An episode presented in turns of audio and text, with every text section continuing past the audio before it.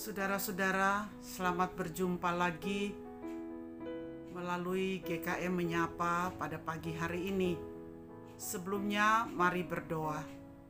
Tuhan Yesus yang baik, kami mengucap syukur untuk segala berkat-Mu dan pada pagi hari ini lagi kami boleh mendengar firman-Mu, merenungkannya, dan melakukannya dalam hidup kami.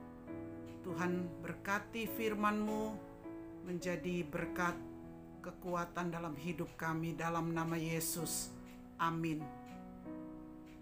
Lukas 2 ayat 14 mengatakan, Kemuliaan bagi Allah di tempat yang maha tinggi dan damai sejahtera di bumi di antara manusia yang berkenan kepadanya.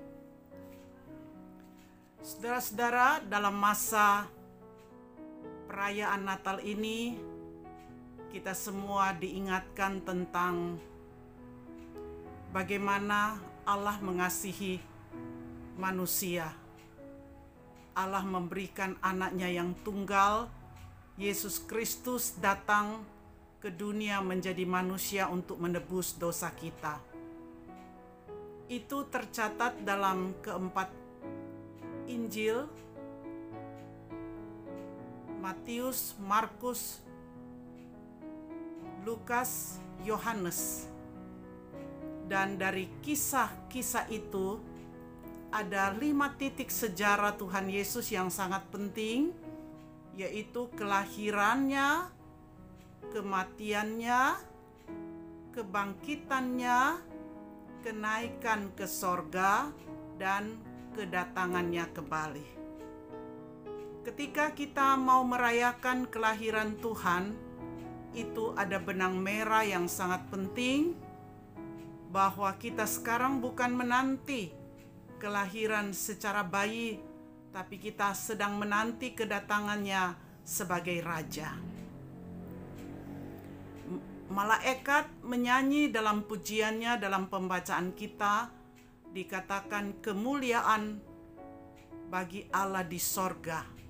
Jadi cuma Allah yang pantas menerima kemuliaan dan damai sejahtera di bumi di antara manusia yang berkenan kepadanya.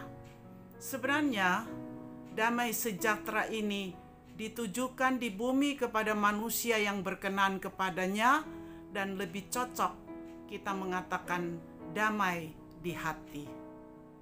Peace in heart. Saudara-saudara, memang benar di dalam hati ini butuh damai sejahtera. Dan damai itu hanya dapat diberikan oleh Allah.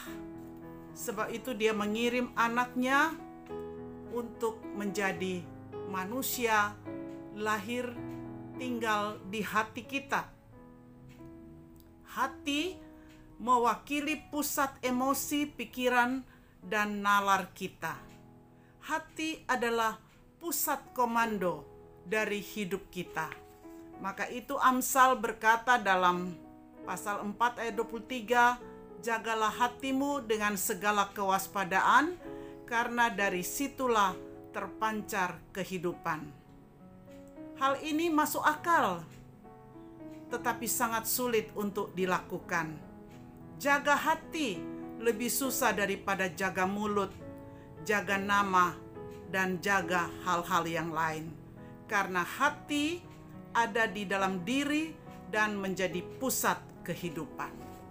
Saudara-saudara, memang di masa Natal ini, dengan masih kita berada pada masa pandemi yang paling utama adalah hati kita.